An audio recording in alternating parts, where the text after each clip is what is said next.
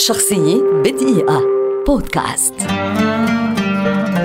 لويس أرمسترونغ مغني وعازف جاز أمريكي يعد أسطورة حقيقية في موسيقى الجاز ولد عام 1901 تعلم أرمسترونغ العزف على آلة كورنت في سن مبكرة عندما كان يقيم في دار الأطفال وكان يعزف آنذاك مع فرق الجاز في شوارع المدينة. وفي عام 1922 انتقل إلى مدينة شيكاغو للعمل كعازف في فرقة جو كينج أوليفر لتخلد أعمالهما معا تاريخ الجاز. فقد أصبح لهما طابع مميز في طريقة أداء تبدل الصوت التي ألهمت فيما بعد الكثير من عازفي الجاز. وهكذا أصبح أداؤهما الموسيقي مثالا يحتذى به لموسيقى جاز نيو أورليانز بين عامي 1927 و 1928 كون أرمسترونغ فرقة موسيقية خاصة به من خمسة عازفين باسم Hot Five ثم من سبعة باسم Hot Seven لتسجيل الأسطوانات. وكان يغني في هذه التسجيلات بطريقة scat إذ كان يرتجل مقاطع لفظية لا معنى لها لتقوية الإيقاع الموسيقي وإحيائه.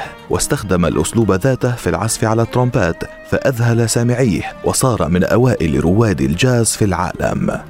لأرمسترونغ عدد كبير من الأعمال الموسيقية والأغاني الناجحة مثل Mack the Knife Hello Dolly و What a Wonderful World وغيرها. كما مثل في أفلام عديدة مثل نيو أورليانز و Hello Dolly وقام خلال مسيرته بجولات موسيقية كللت بنجاح باهر في الولايات المتحدة الأمريكية وأوروبا والعالم. وقد نال العديد من الجوائز والتكريمات. رحل الأسطورة لويس أرمسترونغ بنوبة قلبية عام 1971 تاركا بصمة لا تمحى من ذاكرة الموسيقى في العالم تماما كابتسامته الشهيرة الرائعة الباقية دوما. شخصية بدقيقة. بودكاست.